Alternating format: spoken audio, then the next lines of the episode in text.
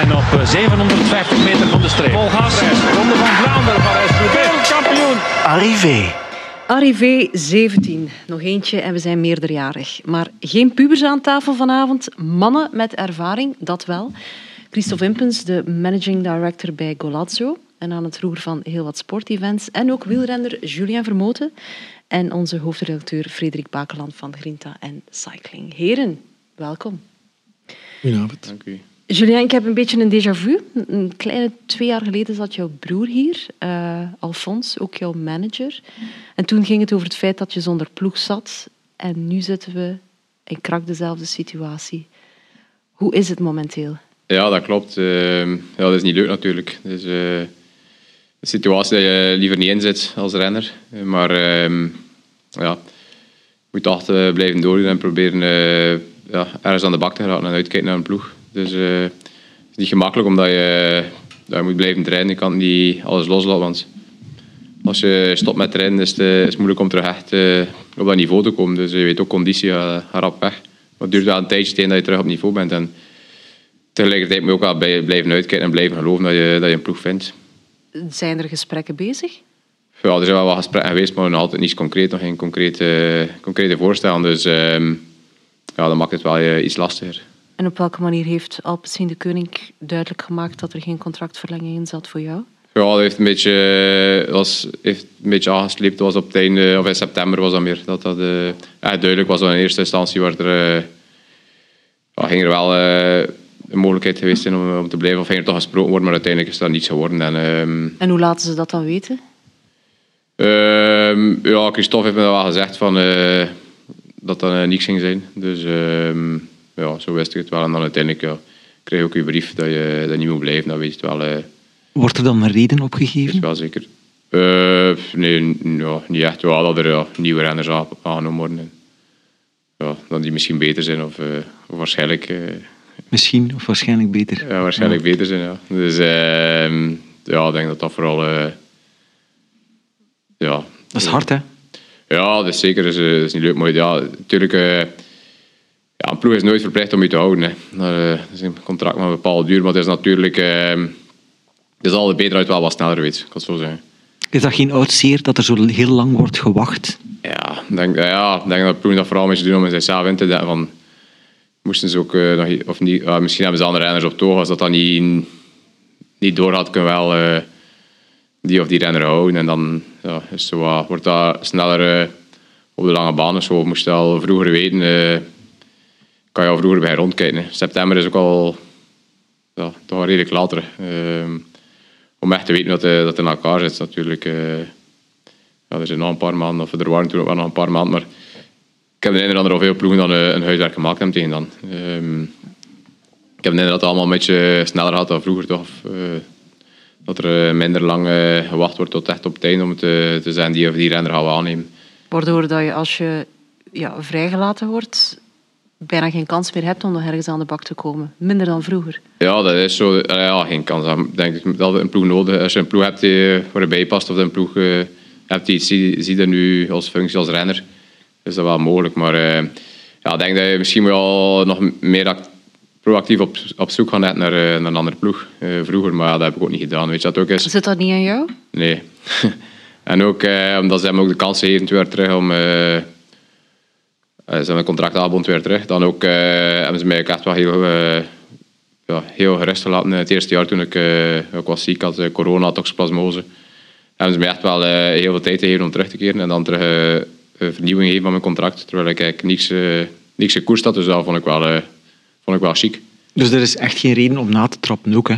Op die manier dan, om nee, de kansen ja. die je gehad hebt. En uiteindelijk, ja, inderdaad, dat klopt wel. Hè. Ze geven een contract van bepaalde duur. En ja, ze, maar, ja, ze moeten misschien iets helder... Ja, ploegen in het algemeen moet misschien wel vroeger helderder zijn of transparanter zijn. Ja, dat zou wel helpen. Voor, uh, ja, ofwel moet je echt wel op zoek gaan links of rechts. Ja. Wees achter een antwoord. Maar goed, ja, weet je dat ook is als je...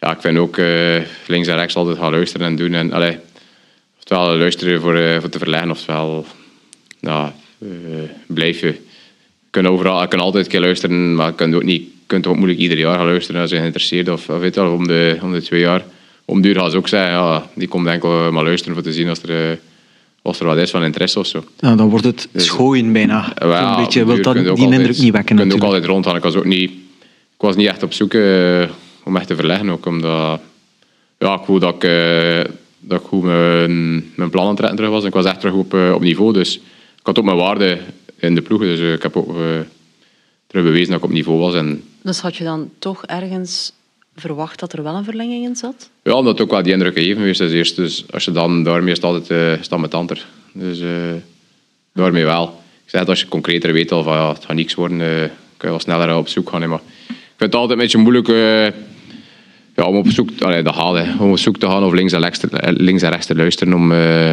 ja, een ander aanbod of eh, om dan toch uiteindelijk misschien gewoon te blijven. Maar natuurlijk, als je dat, ja, als je dat dan niet hebt, staat er wel zo'n situatie. Like, ik, eh, like, zoals het nu staat. Ja. Het Ik vind extra wel- slechte nieuws is dat er wel meerdere renners zijn zonder onderdak. hè. B&B, dat er ook mee kapt. Dat, dat Ja, de niet- conjunctuur is niet echt goed op dit moment in het profpeloton.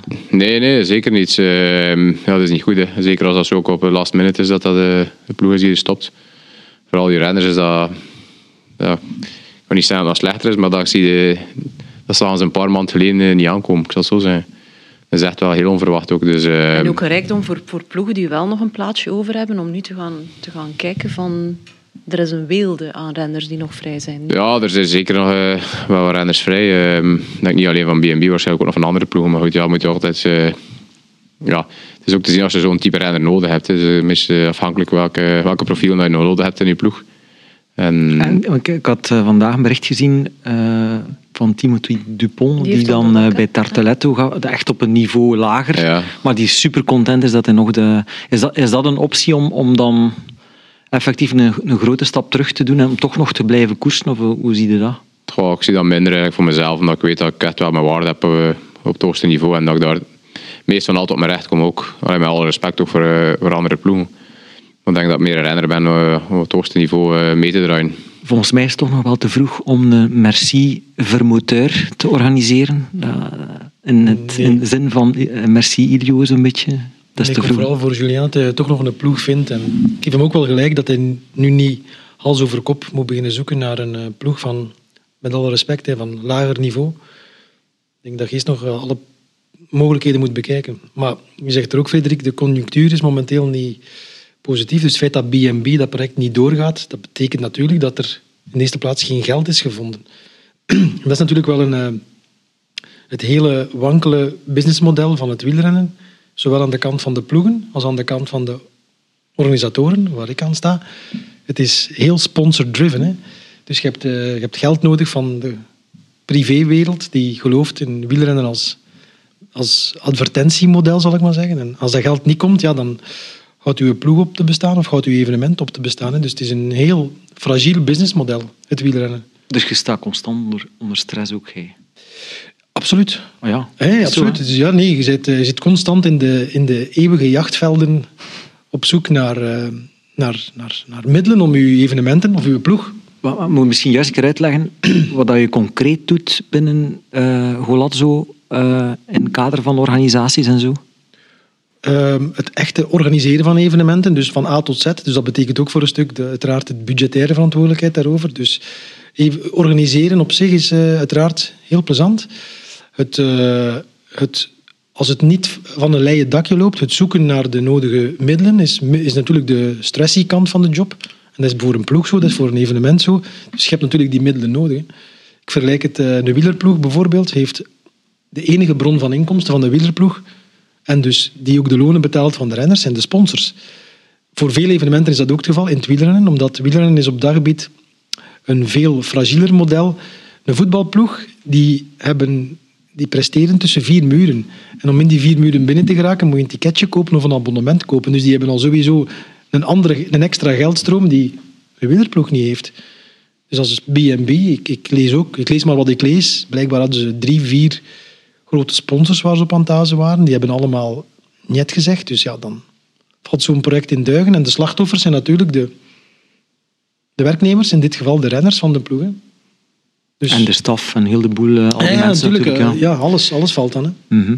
Dus dat is het wankelen aan het... Het fragiele aan het wielrennen is dat je, dat je zo heel afhankelijk bent van, eh, van sponsors. En dat zal er niet op verbeteren? Op korte termijn, middellange termijn? Uh, nee, ik, dat, dat, zijn geen mirakelen op dat businessmodel. Je kan moeilijk wielrennen op de weg plots betalend maken. Dat is, ja, dat is historisch gegroeid en dat, we hebben, er is ooit, uh, die vraag is ooit gesteld met de Ronde van Vlaanderen toch en al. En bij de, bij de cross kan je dat doen, want je zit ook weer met een afgesloten circuit. Maar het, het, wielrennen ja, op de weg is toch historisch zo gegroeid. Nee, nee, goed, er zijn al doctor, doctoraatstudies over gebeurd, over het businessmodel van het wielrennen. Er is geen oplossing gevonden. En goed, dan heb je om de zoveel jaar mensen die daar natuurlijk slachtoffer van worden. Ploegen, organisaties, renners, staf, medewerkers. En zijn er minder bedrijven bereid om sponsor te worden? Of zijn de bedragen minder? Of, of waar ligt het probleem momenteel? Ja, want sponsor-driven, zeide jij ja, maar dan zie je toch Oké, okay, dan spreek je natuurlijk over de Wolfpack. En, en Oké, het is ook trekken en sleuren. En, en als je ziet, in feite zou, zou Patrick moeten ene sponsor vinden om, allez, met zo'n ploeg. Zo een Ineos-model bijna. En, maar toch is het trekken en sleuren om hier een sponsor te krijgen en daar een op de broek en zo. Het blijft toch nog altijd trekken en sleuren. Terwijl, allez, er zijn toch nog altijd wel uh, partners die, die direct bereid zijn om, om erin te stappen. Ecopak, ik noem nu zo, zo een een bedrijf bijvoorbeeld. Ja, maar je hebt veel, veel e- ecopacks nodig om een ploeg op te richten. Hè. Een, wielerploeg van het hoogste niveau. Dat is, een, dat is een serieus budget dat je nodig hebt. Hè. Dus ja, daarom is waarschijnlijk het project BNP en niet waarschijnlijk zeker en vast gefaald, omdat ja, de financiële middelen zijn niet gevonden. Dus. Maar het is toch nog interessant voor sponsors? Tuurlijk, tuurlijk. Ah, nee, nee, ik, ik had vandaag, een, van mijn, een van mijn hoofdtaken is, eh, als ik niet aan het organiseren ben, is effectief sales meetings hebben met potentiële klanten. Ik zeg ook altijd, sportsponsoring, dat bestaat niet meer. Dit is eigenlijk een extra mediakanaal. Of ik nu op een trui van een renner staat, die de hele wereld rondrijdt, die op live op televisie komt, of het nu een evenement is dat een bepaalde naam draagt. Het is een advertentiekanaal zoals een ander en het blijft super interessant. Veel interessanter dan, dan pakweg een radiospot. Het is veel interessanter om op de trui te staan van Julien Vermoten of om uw naam te koppelen aan een wielerwedstrijd kunt er veel meer mee doen. Je bereikt enorm veel volk. Maar je moet op het juiste moment op de juiste man of vrouw vallen die er effectief in gelooft. En soms wordt ingehaald door de tijd, tijdsgebrek. Met deadlines. Die ploeg moet zijn licentie indienen, moet bankgaranties geven en zo verder. Ja. Had je als 16-jarig jongetje door dat de wielerwereld zo in elkaar zit, dat dat het vooral rond geld draait? Had je niet te veel het idee van als ik goed ben, dan kom ik er wel en dan blijf ik er ook bij? Ja, dat is zeker. Hè. Dat is ook jammer. Zij moest je denk op 16-jarige leeftijd zo'n zo beeld hebben van de koers. Hè. Uh, Absoluut. denk ik wel. Dus, uh, Joyce toch? Als jongen, uh, ja, als jongen droom je meer van de koers en uh, zie je ook als van de mooie kant. Maar ja, ik hou nog altijd van de koers ook. Hè. Dus natuurlijk, het is nog altijd zo, denk ik, als je goed zit dat je je plekje wel, dat je plekje wel hebt. Maar natuurlijk, ja, als je als je moet veranderen van ploeg is het niet altijd te makkelijk als je veel in dienst gereden hebt. Dan moet je echt al, uh, als je koersen wint en uitslagen rijdt, is dat dikwijls wel makkelijker om een andere ploeg te vinden. Als je meer in dienst rijdt en dan moet veranderen van ploeg. En dan een keer laat op seizoen is dat altijd moeilijker. Over dus, uitslagenrijden gesproken, er is um, stilaan ook kritiek op het puntensysteem van de UCI. Dat de dat er soms knechten niet voor eigen rekening mogen rijden, omdat de kopman de punten moet pakken, omdat dat dan beter uitkomt in het klassement. Hè? Ja, de broer van, van Tim de Klerk heeft daar ja. onlangs nog iets over gezegd. Wat, wat vind jij ervan? Ja, dat is nu inderdaad, het zijn tien renners die tellen hè, uh, voor de ploeg. Ik denk de eerste tien renners die in het klassement staan. En dan uh, gaan bepaalde ploegen zeker uh, altijd dezelfde renners. Oh. Dus, ehm, maar dat zijn ook terug ploegen die meer echt nood hebben aan de punten. een andere ploegen zal dat minder zijn. Maar goed, ja, een andere ploeg heb je ook je kopman. Uiteindelijk voor de grote wedstrijden, eruit of keer als je wilt. Ehm. Maar is dat dan effectief een nadeel van de knechten? Ja, deels wel. Dus je ziet sommige ploegen appreciëren wel de, de knechten, andere minder. Ja. Een beetje, het is een beetje te zien hè, welke ploegen, uh, de visie van de ploeg. Bepaalde ploegen weten wel dat het nodig is om, uh, om een sterke ploeg in de breedte te hebben. Andere ploegen hechten er minder, hechten er minder belang aan. Hechten meer belang aan, uh, aan de afwerkers. Dus ja, het is niet ideaal. Hè. Als je veel in dienst rijdt, dan je, je sowieso minder, uh, je sowieso minder in beeld komt, dan is, uh, dan is het moeilijker. Hè. Dus, um... Wat ik me afvraag, wordt er zo, uh, dan specifiek voor de knechten dan, wordt er zo na elke rit of na elke wedstrijd een soort rapport, intern rapport opgemaakt door de ploegleider die daar dan was? Of wordt er zo... Ik weet dat niet, ja, dat wordt toch ergens bij. En voor die evaluatie... Want dienen doet dat, dienen, wij zien dat allemaal... We kunnen dat niet zien, want dat is niet allemaal in beeld natuurlijk. Maar binnen de ploeg, hoe, wordt dat bijgehouden? Van dienen doet zijn werk? Of wie, wie rapporteert het dan aan de ploegleider of aan de sportief management? Of hoe gaat dat dan? Ja, ja meestal wel. Ze. De ploeg dat nu wel geweest heb, of, uh, gezeten heb de laatste jaren, wordt dat wel gedaan. Dus um, er wordt altijd wel een rapport opgemaakt van van de wedstrijd en wordt alles wel wat, wat neergeschreven. Dus um, ja, ik denk bij alle ploegen dat dat wel het geval is ondertussen. Ja. Dus ja, in dat opzicht weten ze ook wel wat hij, wat hij doet. Hè. Maar goed, ja, als je de meeste... Daaraan kan het dus niet liggen bij u van het voorbije jaar? Nee, nee, ja. Dus, dus ja, voilà. uh, ik zei het, is nog altijd de, de, managers die moeten eh, beslissen of ze een contract willen geven of niet. Hè. Mm -hmm. Als ze geen contract geven, uh, is het simpel. Hè. Dus over dat UCI-puntensysteem, dat is wel een ander fenomeen van het jaar dat wij als organisatie gezien hebben, is dat we in dat laatste jaar waar, waar de licenties al dan niet verloren of toegekend worden, uh, hadden wij veel meer UCI World Tour ploegen aan de start van, van 1.1 wedstrijden dan, dan in de andere jaren. Hè. Dus het viel van het jaar enorm op dat, dat de, de World Tour ploegen, waar je anders toch een beetje moet hopen en negociëren of ze wel willen komen, stonden nu allemaal aan de start voor die, voor die punten. Dat viel enorm hard op van het jaar. Hm. Dus het zou toch beter zijn mocht dat inderdaad een soort systeem zijn dat veel beter gespreid is over die licentieperiode. Dat zowel voor de renners, voor de stress, voor de ploegen als voor de organisatoren, dat dat wat beter gespreid is. Jij bent zelf uh, prof-atleet geweest, uh, loper op de middellange afstand. Uh, her, herken je dat gevoel van om de zoveel jaar toch met schrik zitten of, of die carrière nog verlengd zal worden? Hoe ging dat in jouw tijd?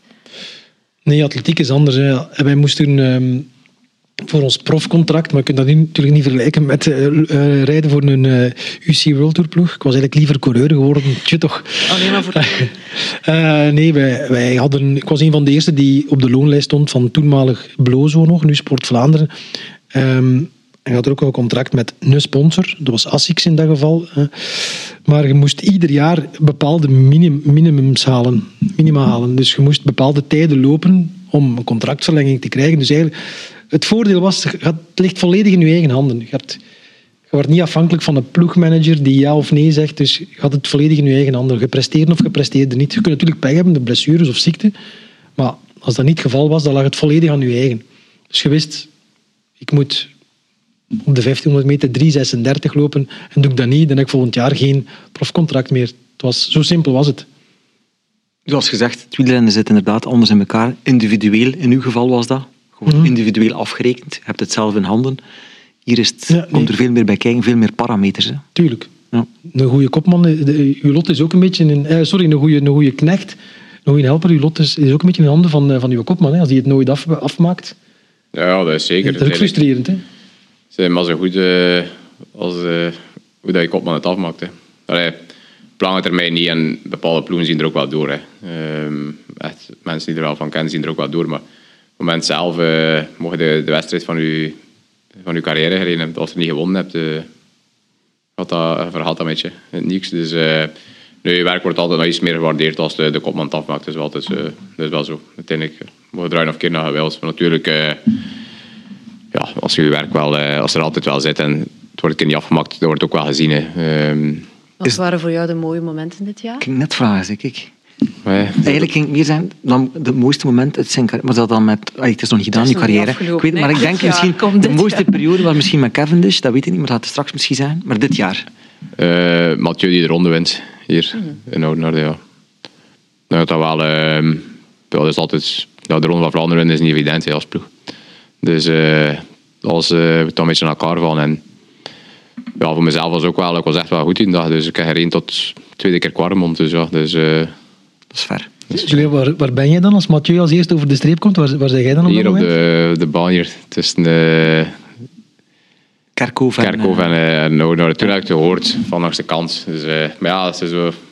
Je hoort de mensen soms iets roepen, maar ja, het is moeilijk om echt zeker zeker te zijn, want uiteindelijk heb ik niks meer van... Uh, weinig verbinding nog in, van de radio of zo. Dus uh, mm. was al twee of drie keer hoort dat weet al. Dat, uh...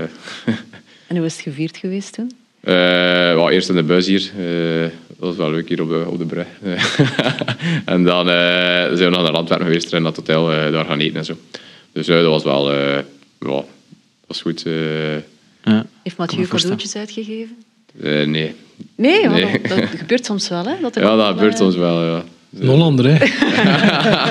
Nee, is- ik- nee, het is niet waar. Het is- is eh, een super toffe kerel. Ik Nee. denk dat hij wel een crème van een kopman is om voor te rijden. Ja, en eigenlijk is die eh, woont al heel zijn carrière in België ook. Hè. Ja, heel ja, zijn leven, ja, sorry. ja, heel zijn leven. Dus eigenlijk is het meer... eh, Nee. Maar hoe is hij inderdaad? Om Maar het is eigenlijk wel een, een eerste keer. Ja. Het is wel lachen eigenlijk. Ja, je houdt wel van... eh zoals zijn eigen humor en zo. En eh, ja, je houdt er wel van, van een beetje... eh, het liggen kletsen aan tafel met de ploegmaat en wat eh, te zeveren. En een beetje, een beetje lachen met elkaar. Zo.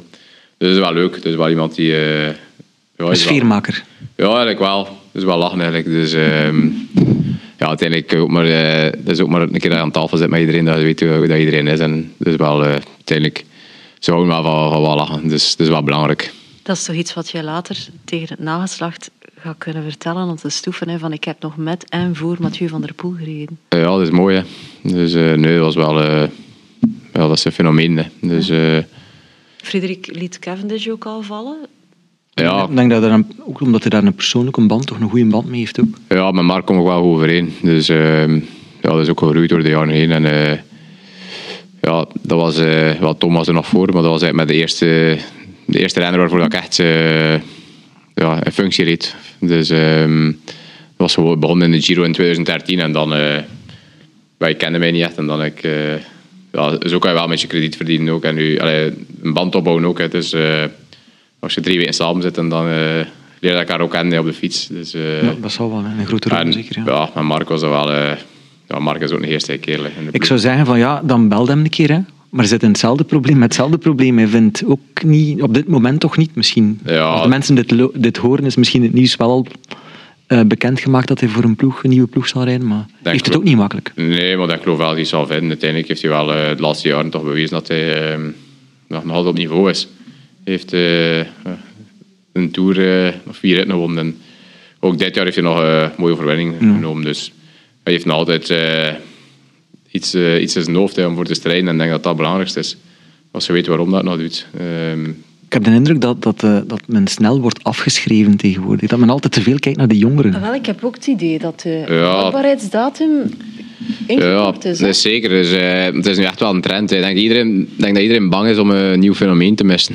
En eh, ze zetten liever daarop in dan, dan op een, een oudere renner. En, ja, dat is een beetje de nieuwe, nieuwe wind. eh. Een Ilio Keijsen die tot zijn 39ste kan doorgaan, wordt uitzonderlijk op die manier.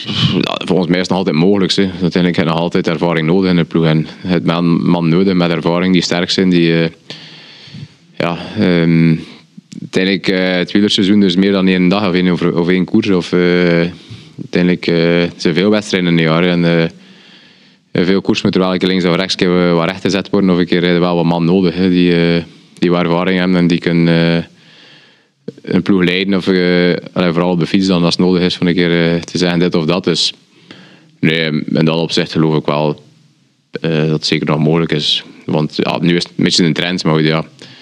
Eh, dat is altijd zo. Hè. De, natuurlijk, de jonge man die er zijn, zitten- ja, er zitten een paar fenomenen bij. Maar ja, het zou ook niet allemaal uh, Pogacar en, eh en Remco's zijn. Hè. Nee. Dus, We hebben wel een boerjaar hè, als Belgen achter de rug. ja, maar, ja, maar dat is zo. Hè. Je ziet... eh, Hoe ervaar jij dat als renner tussen het pak?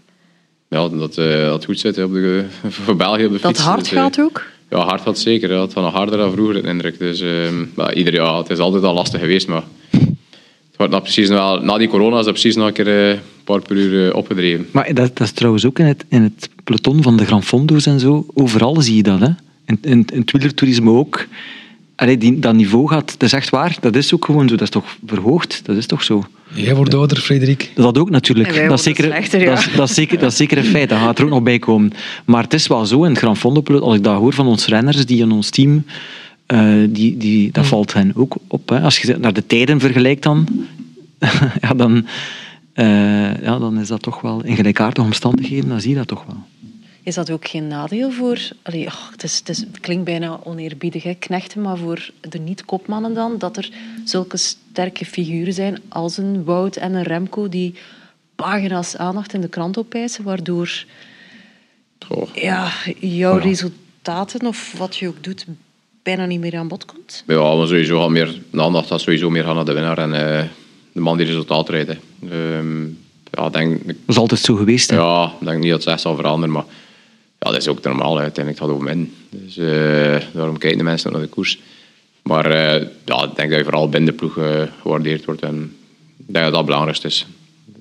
Natuurlijk, van, ja, vroeg of laat, ja, ik denk als je je werk goed doet, krijg je altijd aandacht. ook van de buitenwereld. En als je, als keer wat, extra doet dan, gewoon. Ja, sommige renners zijn ook... ja, er zijn heel veel belangrijke renners ook in een ploeg. Die, die juist voor... eh, in de finale, juist voor de finale, een belangrijke move maken. En ja, in dat opzicht is koers anders dan, eh, dan voetbal. Hè. Als de Bruin een mooie voorzet heeft of assist, eh, wordt er wel meer, gaat er meer aandacht aan besteed worden. Misschien heeft een Courtois ook meer hetzelfde probleem als hij... Hij had ook moeilijker, ik zag het ook voor de houden bal en zo, die ook moeilijker zal winnen, dat hij ook minder aantrekkelijk is. Misschien allee, in de in de zin van minder scoren, of, maar het is wel iemand, als je ziet, die wel beslissend is voor ploegen en die wel eh, wedstrijden wint als, allee, voor een ploeg. Hè. Dus in dat opzicht is het ook wel, eh, is het ook anders. Dus dat zal altijd blijven denken, denk ik, in iedere, in iedere sport. En zijn er renners of, eh, of pion, allee, afhankelijk van je positie waar je speelt, ben je meer aantrekkelijk dan, dan anderen. Dus, maar, niet, niet tegenstaande zijn wel, je wel misschien even belangrijk of op zo'n moment misschien nog belangrijker. Nog een kanon in de ploeg dit jaar, hè? Jasper Philipsen. Ja, winst op de Champs-Élysées, dat is ook een beeld dat mij bijblijft dit jaar. Ja. Zie je die de komende jaren echt als sprinter te domineren? Ja, zeker. Hij is echt aan het groeien als je ziet wat hij dit jaar in de Tour won. Maar ook hoe makkelijk dat hij reed in de Tour. Dat viel mij op, vooral op de eerste week. Ehm reed hij echt wel echt, lang mee. Hè. Die reed ook eh, Luxemburg en zo. Die was echt nog, ik denk bij de laatste 15, als je ziet welke renners er daar nog bij waren. Ja, hij wint ook zijn wedstrijd in twee ritten in de laatste week hè, van de Tour. Of op het einde van de Tour al meer. Dus dat ook iets zeggen. Hè. Inhoud, hè. Inhoud. Klopt. Ja, Jasper was echt wel... eh, ja, ja, het is sowieso een renner met, met klasse. En ja, hij is nog jong ook. Explosief. Dus ehm, ja, het is iemand die eh, nog een mooie carrière zal maken. Ik wens het je absoluut niet toe hè, dat, dat het stopt na dit seizoen voor jou. Maar stel, ooit stopt het toch, geen contract. Kan je dan na de eerste dag al onmiddellijk gaan stempelen? Hoe zit dat als renner? Ja, Ja, nee. Ja, ja, vraag dat is een zeer praktische vraag natuurlijk. Ja, in ja. principe kan je dat waarschijnlijk wel doen. Maar de vorige keer heb ik dat ook niet gedaan. Dat ligt ook niet echt in mijn aard eigenlijk, of mijn mentaliteit. Dus Maar in principe kan het wel. ja, ik denk dat je in principe eigenlijk zelf verplicht bent. Omdat eh, als je niks hebt... Allee, we hebben niks hè, vanaf eh, januari. De, ja, Officieel Volgens mij moet je ergens eh, inschrijven, volgens mij. Dus eh, ja, ik heb dat toen wel niet gedaan. Omdat, ja, ik vond dat ook... Dat ligt niet in mijn mentaliteit. En mijn, eh, ik bedoel, Toen heb je dat overbrugd. Hè. Je hebt een jaar overbrugd hè, in het verleden. eh, drie, drie maanden. Ah ja. oh, Drie en- maanden. Toen heb ik getekend in eh, april, eind was maart, begin april. Oké, ja, ça va. Maar ja, je moet je wel kunnen motiveren. Ik denk niet, allee, dat is toch niet zo evident. Hè. En ze, ja, Ja, dat is zo. Dus, eh, Zijn je ja, bereid om dat opnieuw te doen? Zo Oh, liever niet. overbruggen? Ja.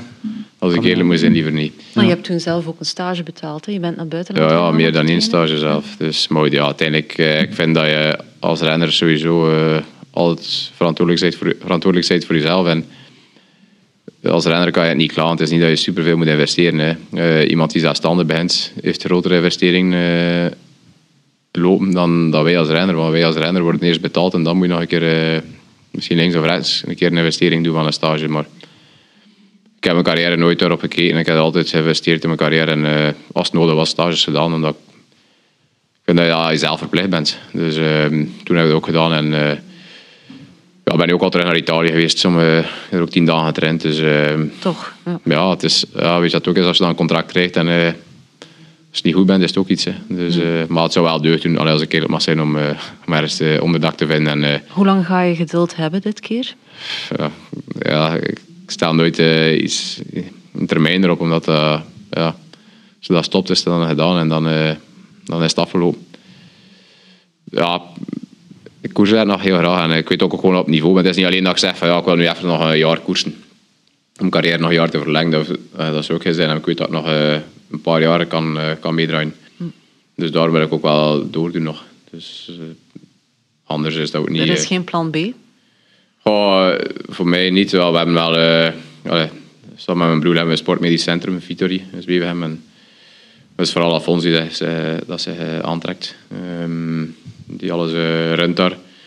En eh, dat, dat groeit ook wel. Dus eh, Ooit krijg je daar wel een de plek. toekomst, ja, ze, ze weten nog niet wat ze mee gaan geven. waarschijnlijk.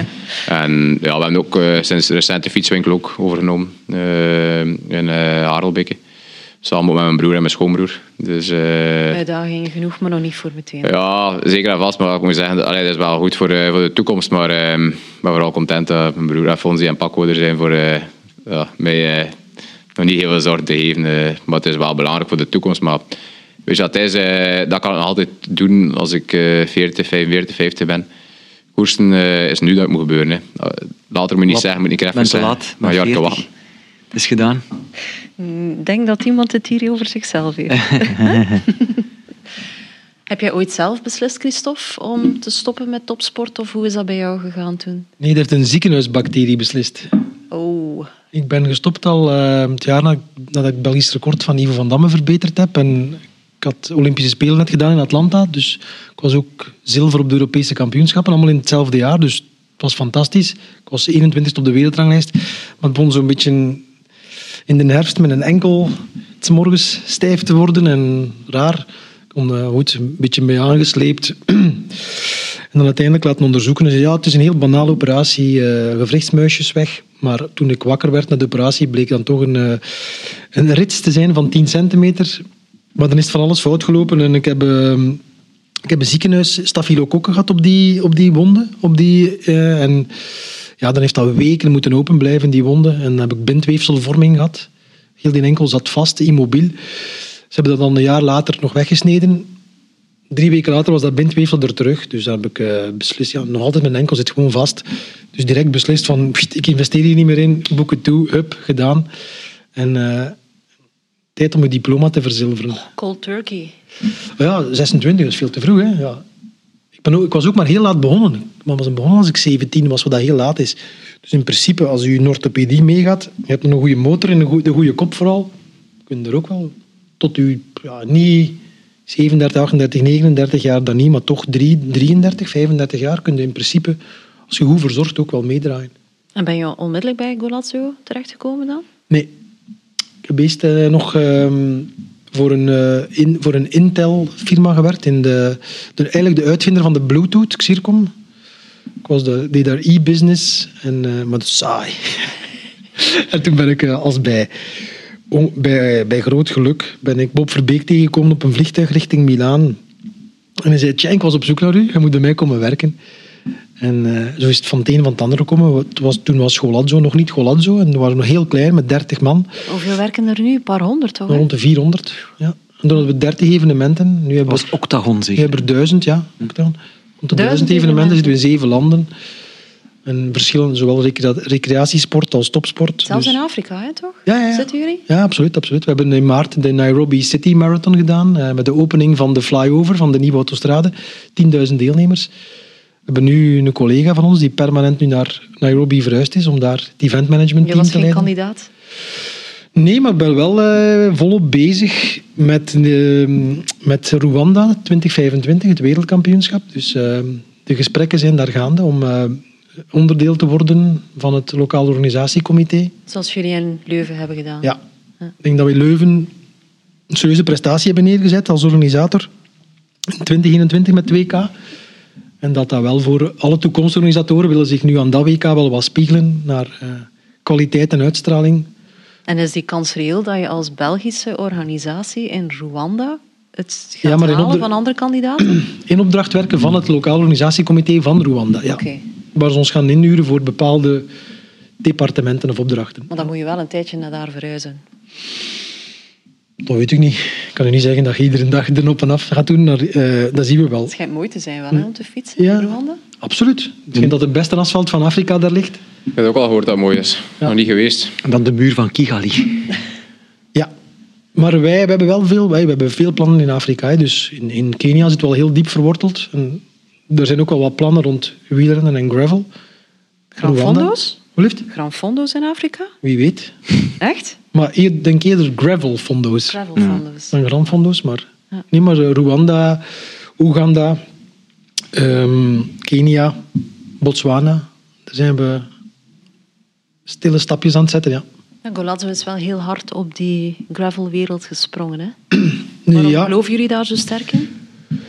Ehm, wel wat het idee eigenlijk. Wij doen eh, al sinds 2011 de UCI Grand Fondo World Series. Dus als Julien ooit met pensioen gaat, maar hopelijk is het nog lang, dan moet je zeker vast niet onmiddellijk stoppen. Hè, want, maar dan moet een beetje blijven rekken. Dan kun je naar de Grand Fondo's. Grand- Grinta Grand Fondo team bijvoorbeeld.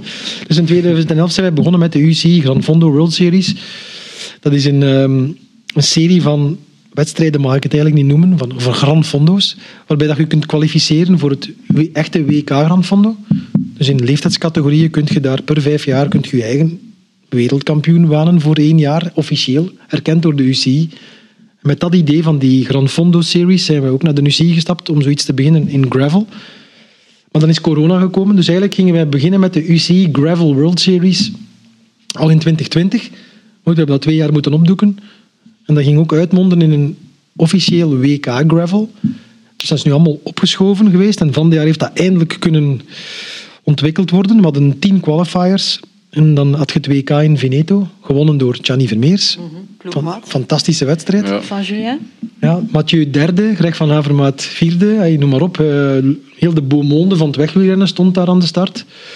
Dus ik denk dat we een goede beslissing genomen hebben om ons heel hard te focussen op gravel. Heeft Gianni daar iets van verteld over dat WK? Ik heb het niet meer gezien volgens mij sindsdien. Eh, we hebben niet meer samen gereden toen. Allee, geen wedstrijd meer, eh, meer gedaan samen. Dus, eh, nee, ik En vond, jij niet overwogen om mee te doen zelf? Eh, nee, eigenlijk niet. En die dag was er Pa- Paris Tours nog ook. Dus ik heb toen Paris Tours gereden. Eh, nee, ik denk... eh, ja, ik vind het wel mooi, allee, zo wedstrijden als Strade Bianchi en zo, maar zo'n... Ik denk dat dat nog altijd iets anders is. Hè. Echt gravel is nog altijd iets anders. niet dus- gedaan ook? Eh, ja, een keer zo op training misschien een keer dat je zegt wat, wat gravel stukken, maar echt gravel nog niet, nog niet echt. Uiteindelijk is het ook maar nu dat echt zo naar, bo- eh, naar voren komt. Hè. Dus eh, het WK komt naar hier, hè? Het was het allereerste WK. En nu, 2024. in 2022, was het allereerste WK. Dus Ja. Gianni is de allereerste wereldkampioen. mooi hè. Pauline Ferrand Zo de rest van de... Prachtig. eh, Dat was chic voor hem, ook van dat was chic voor hem. Dus, Ja, dat is een eh, mooie koers. Een mooie winnaar toch? Ja, ja, tuurlijk. Dus eh, Maar ik merk wel dat er al veel interesse is bij andere profs die al beginnen te polsen naar de datum van het WK dat naar Vlaams-Brabant komt in 2024. Dus ik denk dat we wel eh, in de geboorte gestaan hebben van het jaar van een, van een echte volwaardige discipline. Is Weliswaar- er ook al een concrete datum voor dat WK? Nee, we zijn, op, wij zijn wachtend op de UCI. We hebben eh, voorgesteld 5 en 6 oktober. 5 oktober de, de vrouwen en de plus 50ers. En dan de zondag de mannen. Is dat Spreken wat ik tweede- interessant- tw- 2024 was. Ja. 2024, ja. Vlaams-Brabant door, dwars door de Brabantse wouden. Start in Halle, door het mm, Hallerbos, Zoniewoud. Meer, Meerdalwoud en aankomen in Leuven. Het zal pittiger zijn dan dit jaar dan. Het zal echt... eh, goed, wat is de definitie van gravel? Gravel en gravel, maar ik bedoel, het zal 100% offroad zijn. Het zal geen cyclocross zijn. Het zal door die hele brede, mooie bosdreven die, die we allemaal kennen, wel af en toe een keer veld ook, maar het zal echt wel eh 80% offroad zijn, maar goed bereidbaar zijn. Hoe ga je die periode van het jaar al die wandelaars daar weghouden? Ik ben daar zelf die periode in oktober ook gaan gravelen in het Soniewoud. Dat, is, dat is hel, hè? Om, om daar dan te Dan zijn we passeren nu als fietser. in gesprek met de agentschap Natuur en Bos en de bosbeheerders van Vlaams-Brabant natuurlijk. Om, ja, dan moet je verkeersvrij houden. Het gaat een wielerwedstrijd zijn met een, groene vlag, eh, met een rode vlag en een groene vlag. Dus dat is, al, dat is zoals een andere koers. Hè. Dus dat gaat natuurlijk niet lukken dan die dag om daar eh, in het midden van het pad te wandelen. ze kunnen Ja. ernaast staan. Hè. Alsjeblieft? Ze kunnen ernaast staan. Ja, hè. tuurlijk. De supporter. Nee, maar dat, dat, het unieke aan gravel is dat... ehm, ik vergelijk het met marathonlopen. Je staat aan de start met Mathieu van der Poel, misschien nu Wout van Aert, noem maar op. En nu van de jaar Greg van Avermaat, Peter Sagan, Gianni Vermeers, Daniel Os, noem maar op. Marianne Vos, Pauline Ferrand-Prévot. Maar wij, wij normale stervelingen kunnen ons ook kwalificeren. Dat is op zich niet zo heel moeilijk. En we kunnen er ook aan deelnemen. Dus dat is wel uniek dat je in een wielerdiscipline aan de start staat met, met de absolute wereldtop. En dat is, er bestaat geen enkele wielerdiscipline waar je dat kunt doen. Hè. Kun je in cyclocross, kun je niet op de piste, kun je niet op de weg. En daar gaat toch die mengeling hebben tussen amateurs en profs. Dus dat wordt, wel, eh, dat wordt best interessant. Je liet corona al vallen. Ik weet, eh, in die beginperiode van corona zaten er heel veel mensen van Golazzo thuis, economisch werkloos. Mhm. Heb je toen ook maar even het idee gehad van als dit lang duurt, dan zijn we failliet? Wij wisten hoe lang het mocht duren. Ja, ieder bedrijf wist, die er toen heel zwaar met de kampen had, wist hoe lang het mocht duren. Hè. Dus je weet, ja, dat is- het moet geen rekenwonder zijn om te kunnen uitrekenen hoe lang dat je als bedrijf het kunt, kunt redden Is het kantje boordje geweest? zonder business. Nee, omdat wij altijd ehm, heel verstandig zijn omgegaan. We bestaan van 1992, dus wij konden wel tegen een stootje. Ehm, we zijn ook vrij van schulden, dat is redelijk uniek in de ondernemerswereld. We hebben geen schulden aan de bank. Dus ehm, natuurlijk, die tijdelijke werkloosheid was nodig, omdat er ja, überhaupt geen werk was voor al die mensen, voor die 350 mensen toen. Dus eh, ja, er hebben toch wel 250 van de 350 en bijna een vol jaar op tijdelijke werkloosheid gestaan. En Zijn jullie nu nog aan het inhalen of is die coronadip verteerd? Nee, 2020 was natuurlijk een bloedrood jaar. We hebben dan, maar echt zo de core in België, waren we met een man of 20, 30 aan het werk. Maar we hebben een paar dingen nog mogen doen. Hè. We hebben cyclocrossen mogen organiseren zonder publiek. Dat, dat, was voor iedereen nog interessant. De renners konden blijven crossen en een centje verdienen. De ploegen bleven in beeld. De televisie had content om uit te zenden. En wij konden organiseren. Dus dat was op zich nog een goede zaak. We hebben, we hebben ons eigen digitaal volledig heruitgevonden. We hebben heel veel programma's om mensen te laten lopen, fietsen, wandelen eh, ontwikkeld. En dat heeft positief gevolg op wat we nu nog doen natuurlijk. Hè.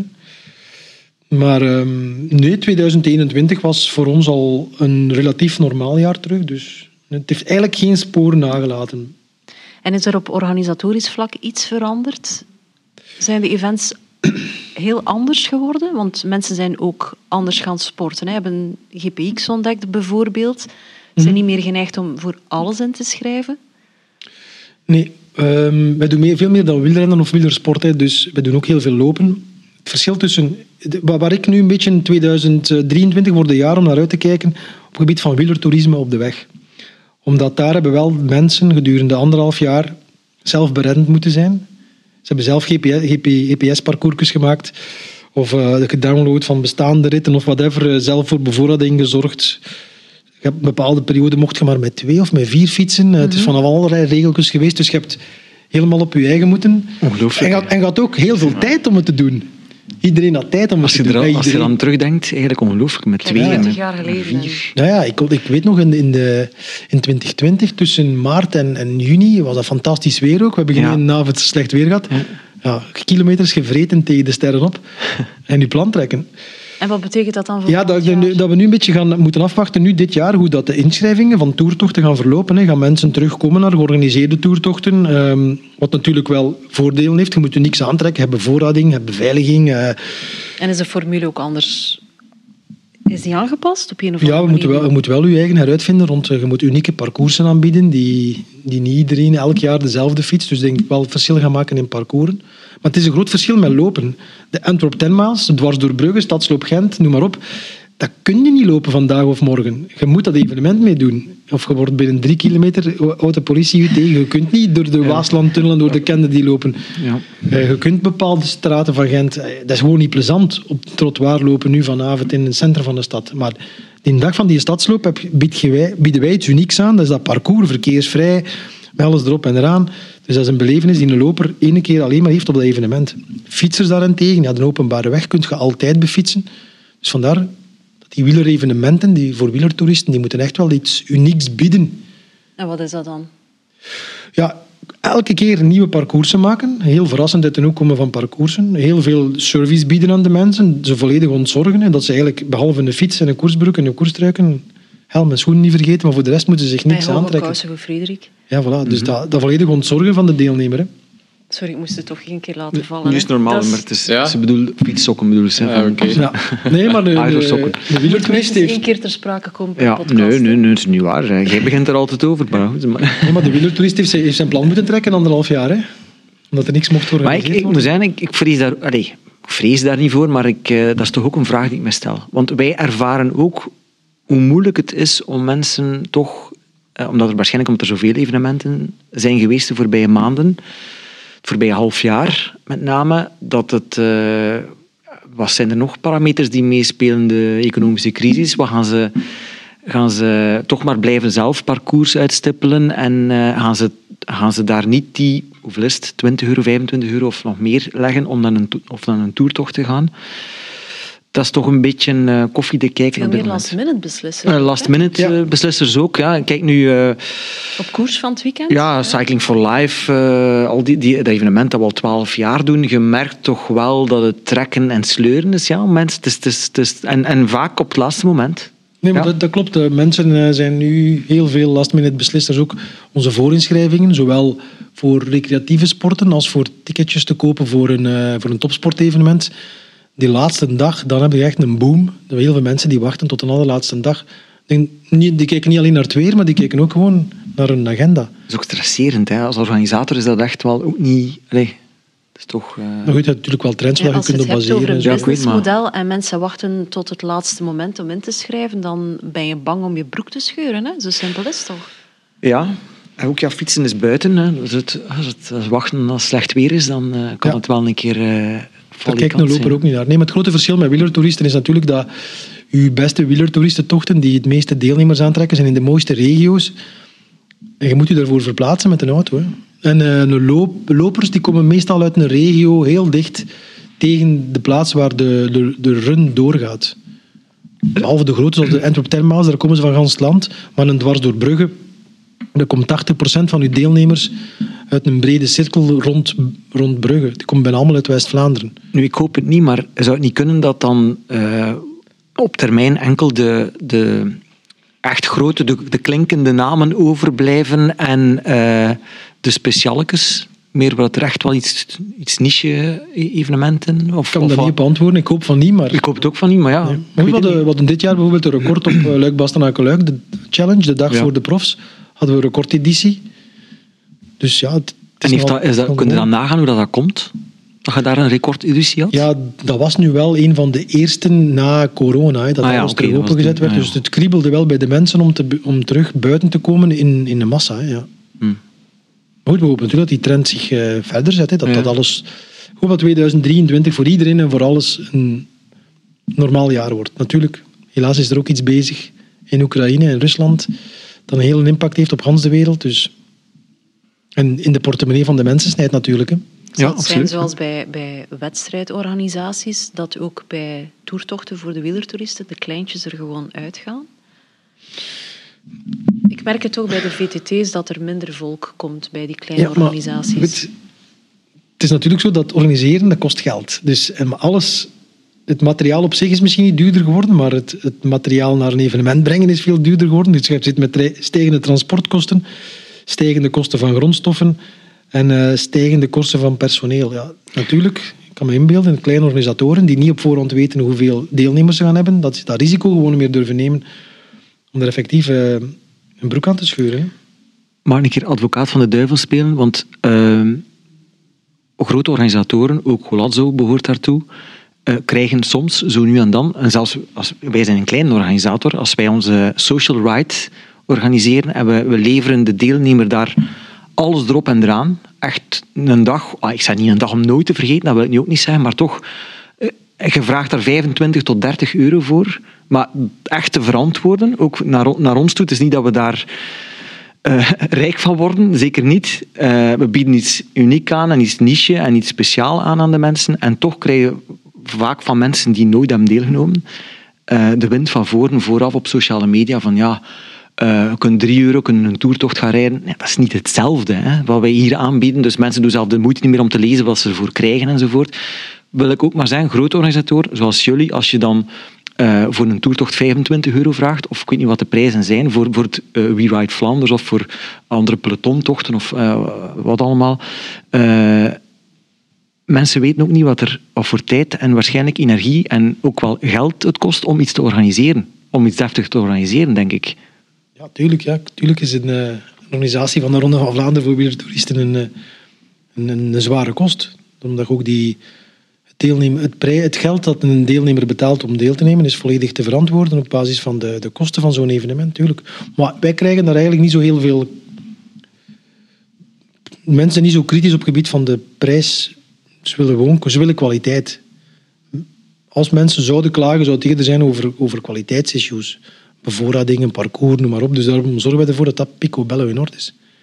Julien, voor je helemaal begint in te dommelen. Nee, Ehm, wat is voor jou als renner de mooiste wedstrijd op vlak van parcours of, of organisatie?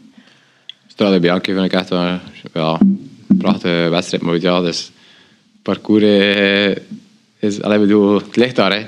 Je hebt ook, uh, want het is een prachtige streek, dus ik kan moeilijk in een ander land iets aan nabouwen. Uh, Ook die finish, uh, Piazza del Campo, dus ja, dat is, uh, dat is historisch. Ik bedoel, dat is echt wel prachtig. Dus, het is toch een zeer jonge klassieker, maar het is eigenlijk al een beetje beschouwd als een soort monument. Hè? Ja, eigenlijk wel. Hè. Dus uiteindelijk als je ziet wat een deelnemersveld die koers ook heeft, en het is een hele, hele zware wedstrijd ook. Hè. dus niet gemakkelijk. Dus voor mij is dat wel een van de mooiere wedstrijden. En ook de ronde natuurlijk ook, maar dat is ook meer misschien historisch hier. En, ja. Zijn er wedstrijden die je dan, omdat ze niet veilig genoeg zijn of slecht georganiseerd, liever niet reed? Ja, sommige wedstrijden zijn wel uh, nog vandaag wel toch wel gevaarlijk geworden. En vooral sommige kleinere wedstrijden. Dus dat ook is, ze hebben ook minder middelen om, uh, om een keer een obstakel links of rechts weg te halen. En, dus, en dat vandaag. Over welke wedstrijden hebben we het dan? Oh, van die jaren bijvoorbeeld, uh, dat was in Duinkerk was dat niet, uh, toch niet alles. Uh, maar het probleem is ook, ja, die wedstrijd heeft minder middelen. Als, als de Tour de France dat passeert met ASO, gaan ze, ja, gaan ze heel veel mobiliaire, wegnemen. Van vandaag is het ook geen cadeau om iets te organiseren. Hè. Als, uh, als organisator qua parcours hè, op de weg, is dat, als je ziet hoeveel eilandjes uh, er gebouwd worden, is echt, oké, okay, ze willen het verkeer vertragen en zo, maar als, uh, als renner is dat echt wel gevaarlijk. Hè. En vooral die, die dingen, die echt betonpalen, en, en moet je echt wel uitkijken. Ze constant moet je content zijn, want je zit in een groep. Ik denk dat moeilijk kunt inschatten, maar als je 50, 60 per uur erop vlamt, uh, en je zit je daar in een groep voor, bedoel, uh, dat is niet evident. En dat constant eilandjes zijn en zo van die... Het gevaarlijkste zijn altijd van die dingen die eigenlijk laag bij de grond liggen dat je niet ziet, maar die wel zo verhoogd zijn van 10 of 15 centimeter. En dat is eigenlijk levensgevaarlijk. En dat was, uh, ik toch, dat was, zat, er, zat er soms wel een keer in, maar uiteindelijk is dat bijna hindernis een parcours op duur. Mm. Maar ja, het is sowieso al een gevaarlijke, een gevaarlijke sport. En dan als er nog een keer zo'n uh, zo'n ding erbij komt, is dat, dat zijn geen cadeaus. Dus ja, uiteindelijk moet je echt wel... Uh, en hoe komt het dan dat er, ja, in, in de geschiedenis is het al een paar keer gebeurd, hè, dat renners um, de benen stilhouden en weigeren nog verder te rijden? Waarom is daar in het huidige peloton zo weinig daadkracht om te zeggen van hier trekken we de lijn, we rijden niet? Ja, vooral... Uh, ik vind dat er denk ik, minder leiders zijn vergeleken met vroeger eigenlijk. Uh, een peloton, misschien is het ook een beetje dat vandaag ook het algemeen in de maatschappij. Er is minder respect ook voor uh, oudere renners, of niet alleen over renners, ook oudere, oudere mensen in het algemeen. Denk dat iedereen rapper zijn gedacht was zijn. En dat denk ik ook in de koers ziet. Uiteindelijk iedereen rijdt voor zijn eigen, zijn eigen brood. En uiteindelijk, als je misschien denkt, die renner die, die dag dat ze zeggen van ja, we gaan nou, maar vandaag kan ik wel winnen. Uiteindelijk, uh, er is niet echt veel eenheid meer hoor. Dus uh, dat is een beetje jammer natuurlijk. Vroeger ging dat wel hebben. Weet je wie dat we nodig hebben? Zijn. Mag ik het zijn? Ja. Bernard Hinault. Ja. Dat was de patron. de patron van het peloton. En die heeft ook die staking in de Tour de France ook mee op gang gebracht. Waarbij dat renners... Mensen die het verhaal niet kennen, in het kort misschien? Waar, waar renners moesten, dat was denk ik eind jaren 70 toen. Het was nog de jonge Bernard Hinault, want ik denk dat hij een Franse driekleur aan had in die toeretappe. En uh, moet rekenen, de Tour de France was toen soms drie ritten op een dag. Drie ritten, gespreid op een dag. En op een bepaald moment was, dat, was het genoeg geweest. En uh, Ino had gezegd tegen, uh, tegen peloton, van kijk, we gaan de boel hier neutraliseren, we gaan hier staken. En we gaan stapvoets over de meet komen. En uh, José de Kouwer vertelt altijd dat verhaal in onze show, uh, die, we, die we doen, onze zaalshow. En, uh, en die Nederlanders van de ploeg, van de ploeg Raleigh, Jan Raas en Kuiper enzovoort, die geloofden dan niet, die vertrouwden dan niet, die dachten van, no, ja, het zal wel zijn, stapvoets over de meet, we gaan, toch maar klaarzetten, want zie dat hij toch versnelt en dat hij heeft de rit gewonnen. Maar inderdaad, Ino deed het en op zijn, met de nodige allure en effectief. En die trok zich van niets aan. En dat was, uh, dat was effectief de man van, van peloton die iets op gang kon brengen. En die af en toe ook iemand een, een serieuze pets kon, uh, mm. kon iemand kon neer, neerklokken. De, hè. de laatste keer dat ik het weet, maar misschien dat het nog recentelijker gebeurd is, als Julien weten, is uh, de toerit die ging aankomen in Spa. Ja, met Cancellara. Cancellara, toen al die valpartijen, de aflading ja. van de Stokkeu, ja. met de broer Slek, die al de eerste rit, denk ik, of een tweede rit, die er allemaal de rond lagen, heeft toen heel de boel stilgelegd. Ja, maar daar was een deel van het peloton ook niet mee, dat- mee akkoord, als, als ik mij goed herinner. Omdat er dan, eh, dat kwam ook in het voordeel uit van, eh, van de Schleks, die toen bij Cancellara in de ploeg zaten enzovoort. Er was daar iets met die, daar- het was eigenlijk een dubbele agenda van Cancellara. En ik denk dat er meerdere waren in, in, in het peloton toen, denk Hushoft en zo, of ik weet niet wie dat die zeiden van ja, waarom, waarom moet- Fabian dat eigenlijk, of waarom moet Cancellara dat eigenlijk beslissen? Dus misschien was het toch minder patroon dat hij eigenlijk zou gewild hebben. dieren zijn ze wel allemaal samen al, al wandelend over de meet Ja, gekomen. ja. maar zeker niet met Maar later, van, wat nog later gebeurd is, dat kan ik me niet herinneren. Maar was uiteindelijk hebben ze het wel gedaan, toch? Toen nog. Denk, ik, nu zie je dat echt niet meer eh, gebeuren. Dus, dat wisten we wel een beetje, echte patrons in het peloton. Hè. Ja, Het algemeen ook als ze zien wat er eigenlijk... Dat sommige renners rondrijden in het peloton. Heeft Ja. het in zich om het wel te zijn? ja, uiteindelijk sowieso. eh, ik denk dat Van Aert zou dat zeker eh, Goed, ja. kunnen en mogen doen ook. Ik denk dat het een beetje dubbel is. Hè. Ik denk eh, het palmarès nodig. Een beetje aanzien nodig ook. ja, een beetje leeftijd misschien ook al. Het is een beetje, maar zijn dat van vandaag is het probleem gewoon dat ze met die Jorkes en eh, we gaan dan of dat op de mak. Ja, uiteindelijk het is altijd wel één ploeg die denkt vandaag is onze dag. ja. Ehm, dus ja, uiteindelijk zeg, is het gewoon, eh, dat is al een groot probleem. En dan heeft iedereen een beetje zijn eigen dingen nog. En ja, het is niet gemakkelijk zo'n dag van vandaag om dat te doen. En ik denk dat ik het doen in dingen ook, dat weet je nog. In een Giro ging ook, eh, want het ging slecht weer zijn, het ging sneeuwen en eh, de eerste klim er omhoog. Er, eh, ik weet niet wat het juist was, het uh, Havia was of wat het juist was. En want moesten we nog dingen doen, uh, Stelvio en zo, en dan nog een slotklim.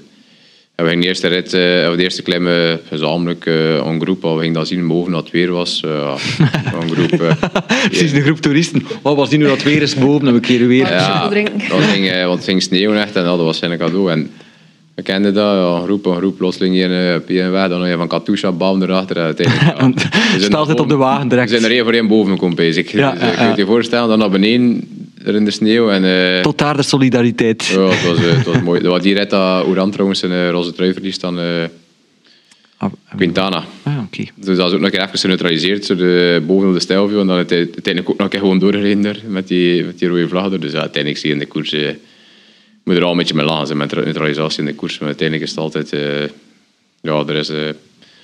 het gebeurt niet snel, dus ja, dat is een beetje het probleem dat, van, dat het er moeilijk is. eh. Maar er is toch die een rennersvakbond, of wat is dat daar? Maar dat heeft ook niet echt een, een veel slagkracht, heb ik de indruk. Of toch ben ik verkeerd? Wat- Als organisator horen wij die soms een keer. Ah ja. En En, bij monden van? Veiligheid. Over, ve- bij monden van eh, Gianni Bugno. Ah ja, juist. Ja, ja, juist. Is hij er altijd, denk ik, ja, voorzitter van Gianni dat denk Bugno? ik wel. Ja, dus eh, we horen die ja, soms wel, maar ja, goed, als het gaat over ja, als ze vragen hebben bij een veiligheid, en, maar meestal preventief.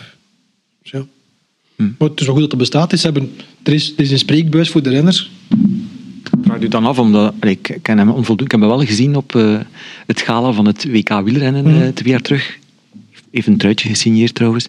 Maar eh, ik vraag me af omdat Gianni Bugno dan veel... Allee, Dat weet ik niet. gezag heeft. En, maar ja, ik bedoel, wie kent... Allee, wel respect, er gaan wel mensen zijn die Gianni Bugno kennen natuurlijk. Uiteraard, allee, uit het huidige profpeloton bedoel ik, hè, zeker. Hè. Maar dan vraag je u af, want moet dat dan niet bijvoorbeeld nu een Gilbert zijn? Die iets Is dat dichter... in België niet eh, een van de broers Scherlen? Ja, inderdaad. Die, die, die is ook wel effectief fysiek aanwezig op Ah, ja. grote... Oké. Dat begint daar al mee als aanwezig zijn, is ook al, is al goed. Hè. Maar ik zei dat nog, om iedereen terug op dezelfde lijn te krijgen. Ik herinner me ook eh Parijs-Nice, dat jaar met die corona. Toen ging ook eh, de laatste, er waren nog wat ploegen gestopt en dan dit. En we, gingen, allee, ze waren ermee bezig met CPA. waren, ja, met je zien wat ze gingen doen. En allee, er waren renners of ploegen onder elkaar. Ja, en die ploeg start niet meer morgen en die ploeg start niet meer. We reden dan naar de start. De eerste drie ploegen dat ik zag, waren de ploegen die niet meer gingen starten. Dus ja, wil ik maar zeggen, van, ja, uiteindelijk, eh, het is altijd makkelijk gezegd. Is, Ja, op altijd voorhand. andere belangen ook die Ja, spelen. dus, en eh, het is altijd iets die meespeelt. Ja, maar ja, dat is hier een koers van uh, zo en ja, we mogen er niet in, eh, tegen die man, eh, weet wel. Dus dat Tour moet ook nog rijden van het jaar. En uiteindelijk er is altijd wel iets dat meespeelt. hè. Dus, Sponsorbelangen? Om maar iets ja, te ook altijd wel iets. Ja. Uiteindelijk zal, ja, dus op dat gebied is het echt dat we vandaag om echt eenheid te krijgen. eh. ja, dus, eh, maar verder en verder weg. Maar een, maar een organisator die, die het echt goed voor heeft voor de sport, dan moet nummer één van, u, van alles wat je doet, is veiligheid. Punt. Ja, zeker de dag van vandaag, maar ik ben er 100% mee akkoord. Maar het is echt, allee, want allee, daar kan ik er eh, al lachend over gaan worden, maar uiteindelijk, sommige punten dat wij passeren, man, dat is echt... eh, Ik zou echt geen organisator van de dat, wielerkoers willen zijn. ja, dat is, in Vlaanderen eh, staat vol straatmobulair in, vol, vol, vol. Hè. Ja. Dus het is niet simpel om iets te organiseren. Dat, het, is echt, het is niet gemakkelijk, maar Nee. als je er echt extra aandacht aan besteedt, wordt het echt wel geapprecieerd door de, door de renners. Want dat, Ja. van, dat is echt wel... Iedereen zet, wij zetten nu allemaal die, die bouwplans. We hebben nu ook geïnvesteerd in die Noorse firma Safe Cycling, die die, eh, die, die visuele totems hebben. Hè, die zowel de Hawaii als, als de verwittigings, digitale verwittigingsborden hebben. Dat Zetten scheelt ook wel veel. Als ik er iets hoort. Ja, Want dat is ook... eh, ja, kan er iemand staan soms, maar eh, als het met de kop naar beneden is... dat is een ingenieursysteem. Dat is eh, digitale borden die tonen of dat is splitsing of links-rechts, dat je moet Ja. opletten dat er iets is. En dat wordt, dat wordt aangeschakeld op het moment dat de koersdirecteur met zijn wagen passeert, Ah, schiet, ja. schiet het aan. En als de groene vlag passeert, schiet het terug uit. ja. Dus interessant voor als je een wedstrijd hebt die op het einde nog drie, vier lokale ronden heeft, dan wordt dat zo geactiveerd. Nou, dat is wel een mooi systeem. En dat zit echt redelijk hoog, dus normaal gezien renners zien het ook wel, zelfs van, helemaal van achter in het peloton moeten ze het zien. Nou, Het is investeren, maar je kunt, je kunt niet elk paalken Ah, nee, zeker dat- wat hij zegt daar, laag tegen de grond, dat Ja, zo van die schuine beton Ja, maar- randjes ja, van zo'n paar centimeter. Of zo'n ding van 10, 15 centimeter, zo van die randjes, maar dat Die is gevaarlijk. zeg. ja, die- Ja, dat- zo'n ding, dat is Ja, je levensgevaarlijk. eh je wordt Alleen over levensgevaarlijk, je ik bedoel, iets dat stijlstaat katapulteert. niveau is nog gevaarlijker. Maar als je daar zo, zoiets past, is ook geen cadeau. Hè. Mm. Dus, ehm, Nee, ik zou het niet willen doen. Een organisator en een parcoursbouwer die heeft een heel belangrijke verantwoordelijkheid om eh, een voor zo veilig mogelijk parcours te maken. Ja, zo. je moet rekening houden, zelfs bij de zwaarste rit, dat nog altijd kan zijn met een sprint met 40 man, dat dat, dat ook op een veilige manier kan gebeuren. Ja. En Dus, dan eh, blijft het ook buiten de wedstrijd, vorige week nog maar eens bewezen, levensgevaarlijk om te gaan trainen op de openbare weg hè, als renner. Nou ja, dus we zijn kwetsbaar. Hè. We, zijn, eh, we zijn echt kwetsbaar. Dus het is heel gevaarlijk. Ehm, ik denk dat je vooral ehm, altijd moet beseffen dat, je, dat we meer te verliezen hebben als, als renner of als, toerist of liefhebber eh, dan, eh, dan te winnen. En dat je altijd een beetje moet kijken, toch, eh, hebben ze je wel gezien. eh, dat is altijd iets heel belangrijks. Want Komt uiteindelijk... dat ook omdat jullie hogere snelheden halen op training? Dat, dat de automobilisten dat anders inschatten? Goh, dat is te zien. Eh, ik denk, ik vind wel dat van een renner nog ziet dat hij snel een bepaalde snelheid haalt. En dat opzicht vind ik dan gevaarlijker, die pedalex. Iemand die rustig op zijn fiets zit, of eh, Ja, dat, De- vent van- dat, moet, dat, dat moet je goed kunnen inschatten. 70, hoor. 80 jaar, die met, met zijn rug rechts... eh, allee, ja, maar ja, Ja. eh, je kijkt ook altijd naar de houding toch, van iemand. Dus, eh, en die komt dan soms al en je zegt van. Of die kruipen in jouw wiel? Ja, of het passeert nu. ja, uiteindelijk kan je 50 per uur rijden. eh. Ja. Dus ehm, dat, dat is wel gevaarlijk. eh. Ik hoop van niet, maar daar zie ik echt nog wel zware ongelukken gebeuren tussen de wielertoerist slash wielrenner en inderdaad die Speed pedelec. speedpedelecs. Ja. Als- Ja. ja, het probleem Ja, is... het is, een, het is een twee snelheden. Hè. Of, allee, het is eh, zo, ja, het is moeilijker in te schatten. Maar als Het die is, eh, fron- frontaal op het jaagpad tegen elkaar gaan ja, rijden, ja, dat Nou, zal ook beter al niet. gebeurd zijn. Hè. Liever niet. Maar het probleem is ook dat je, als je 50 per uur rijdt met je fiets, dan uh, sla je hart al redelijk, eh, redelijk goed. Hè. Dan zijn je redelijk alert. Maar als je 50 per uur op een pedelec rijdt, uh, dat sla je klopt. op de motto. Ja, hè. Zit, ja. je allee, kunnen bij van spreken eh, slapen ook. Hè. Ik wil het nog kort over veldrijden hebben. Je hebt het al laten vallen, Christophe, dat jullie ook veldritten organiseren. Mhm. Met Mathieu en Wout nu in het veld, die er gewoon een paar wedstrijden uitkiezen. Is dat een getouwtrek als organisator bij die twee om ze aan de start te krijgen? Of neem er ook nog een pitkok bij? Eh, nee, omdat we nu... Ja, we weten nu toch al een jaar of twee, drie, dat ze maar een bepaalde periode crossen. En tijdens die periode er zoveel mogelijk doen. Dus getouwtrek zou ik dat niet echt noemen. Alleen, en dat heb ik nu gemerkt van het weekend, zijn de, de jongens die van mid-september tot, tot vorige week het mooie weer maken. Want eigenlijk, ehm, als ik even mag afwijken, de, de cyclocross heeft het van dit jaar redelijk goed gedaan. We hebben de Koppenbergcross georganiseerd. We hadden, veel, hadden meer volk als in 2019, als de laatste editie voor corona. Eh, de Jaarmarktcross in Niel, veel volk. Europees kampioenschap hebben we georganiseerd op de Citadel van Namen. Gigantisch veel volk, zonder Wout, Mathieu en Pitcock. Dus... het- Je hebt die mannen niet nodig om... Nee, nee, ik kan niet zeggen dat, ik ze niet nodig, dat we ze niet nodig hebben. Maar ik bedoel, maar de cross, de cross heeft, heeft ook geleefd voordat wat Mathieu, Wout en eh, Tom Pitcock in het peloton kwamen. Ik heb het een beetje te doen met de, met de Lars van der Aars, de Elie Iserbiets, de Michael van Toernouts en de Laurens Weeks van deze wereld, die nu plots van het weekend geen enkel interview hebben moeten geven. Dat, dat is spijtig, want die maken nu al twee maanden schoon weer. En die gaan ook na het WK gaan die ook nog doorkrossen tot mid-februari. Dus je hebt, je hebt natuurlijk, die heb, je, die heb je ook heel hard nodig. Maar getouwtrek is dat niet. Nee, je weet op voorhand, eh, tijdens het WK in Australië wordt, werd er afgesproken met, met broers Roodhoofd en met chef Van den Bos van welk programma. Of wanneer Wout en Mathieu denken te beginnen.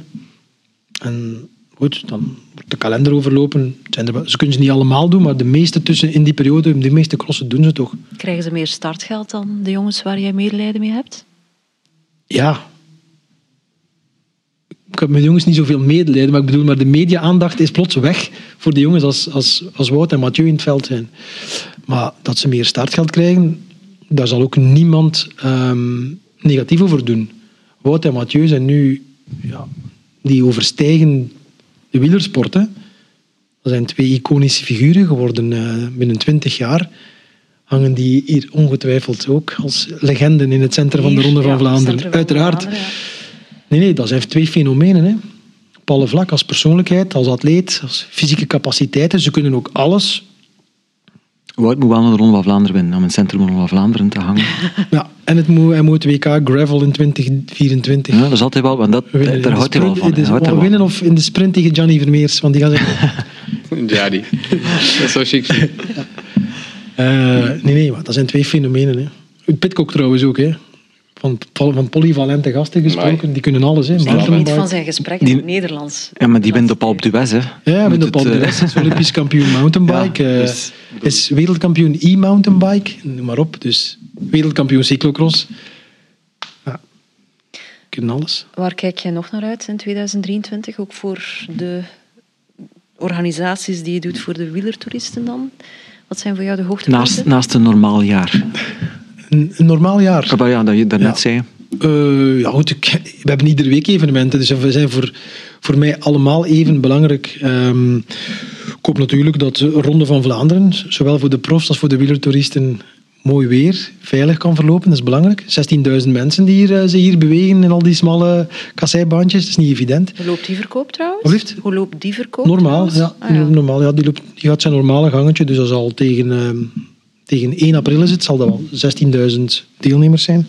Ik hoop wel dat de buitenlanders terug massaal komen, want die hebben we wel twee jaar moeten missen. Hè. Eh, we, hebben, we hebben altijd deelnemers, een stuk of 200 uit Amerika, we hebben een stuk of 100 Australiërs, Nieuw-Zeelanders, Japanners. Die zijn natuurlijk hier niet geweest de voorbije twee jaar, dus dat hopen we terug.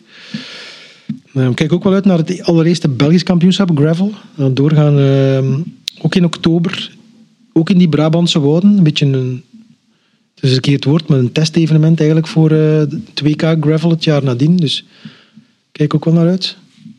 En ja, de, de habitués, hè. Maar je fietst zelf ook vaak hè, op, op jullie events? te weinig. Ja, op de evenementen probeer ik wel mee te doen, ja. Dan moet ik, als ik dan nog moet werken, dan zou er iets mis zijn in de organisatie. Dus dan probeer ik wel mee te fietsen. Dat is ook nuttig, het nuttig aan het aangename koppelen. Je kunt feedback geven aan je collega's. Nee, heel belangrijk. En je hebt eh, tegelijkertijd iets, iets gezond en plezant gedaan. Maar Climbing for Life bijvoorbeeld, daar, daar ben je zelf ook altijd te vinden. Ja, dat is mijn persoonlijke baby. Ja, dat hebben Is dat? twaalf jaar geleden uit de grond gestampt. Het is een heel leuk evenement waar 2000 Belgen eh, waar, die we kools laten ontdekken. Hè. Dus in juni trekken we naar de Stelvio terug. Ah, ja. Hopelijk zonder sneeuw. we hebben nog nooit slecht weer gehad. Ongelooflijk. Beter dan. Eh, de Stelvio, we doen dan ook... eh, de- we gaan ook in de nieuwe kant van de Mortirolo vanuit...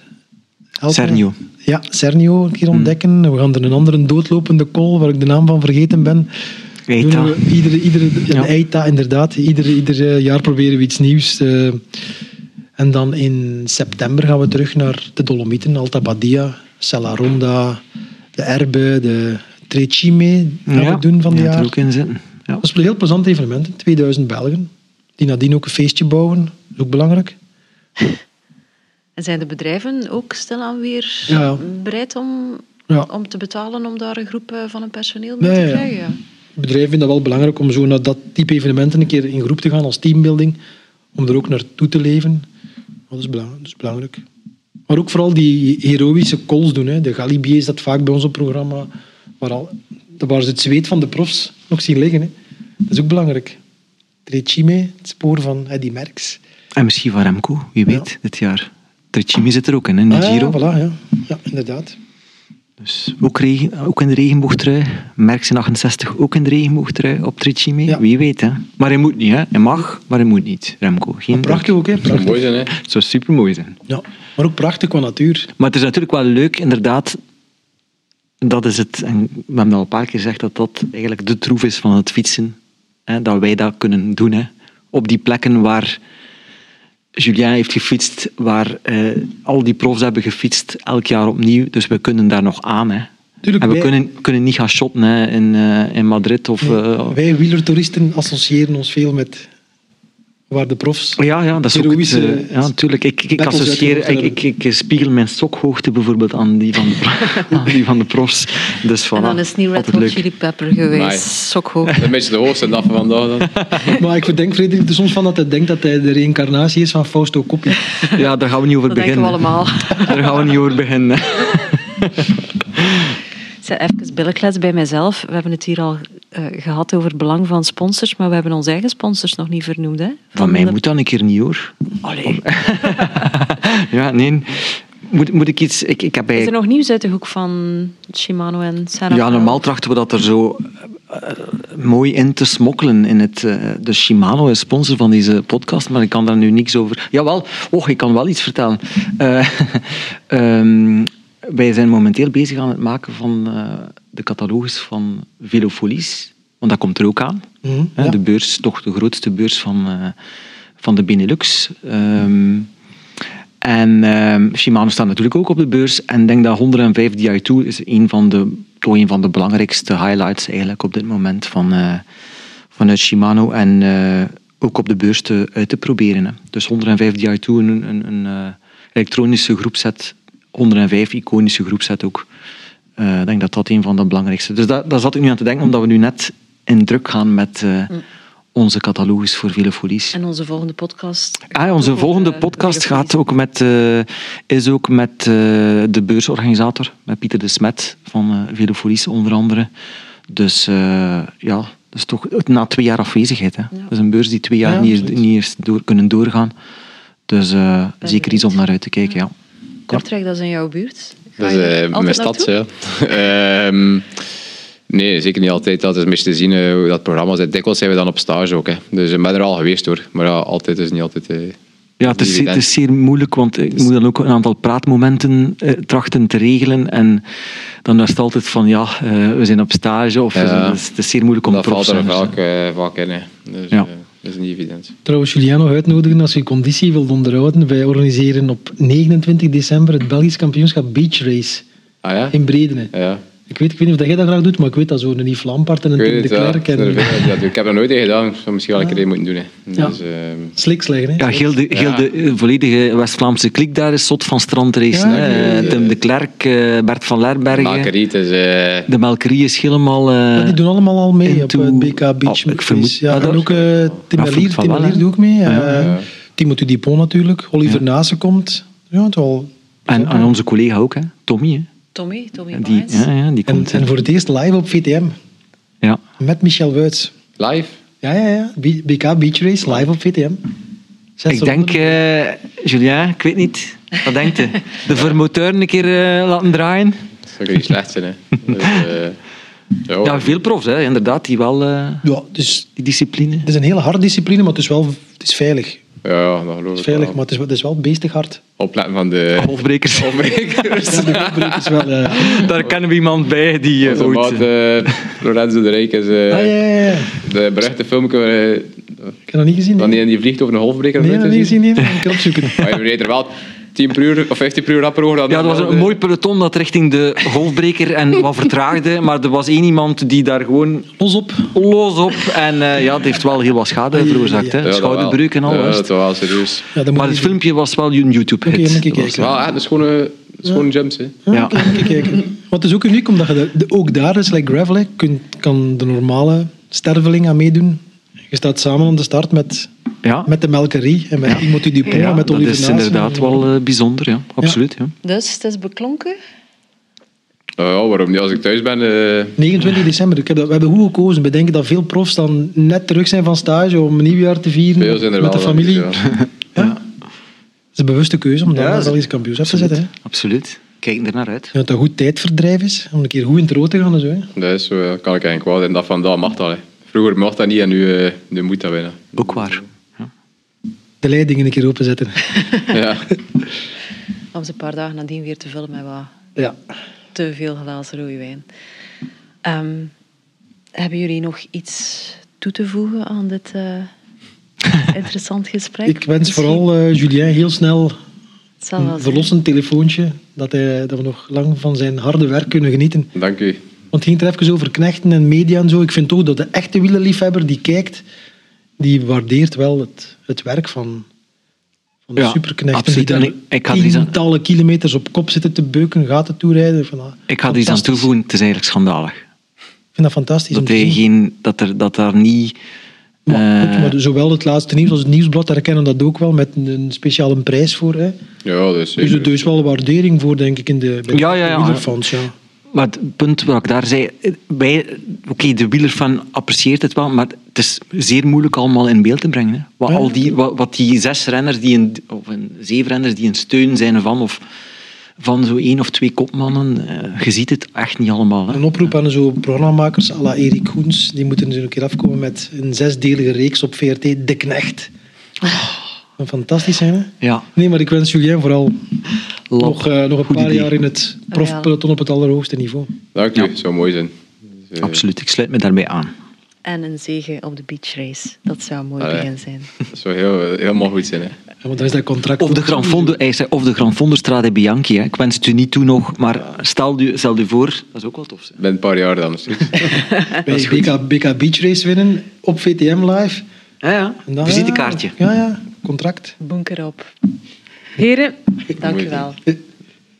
Met plezier. Graag gedaan.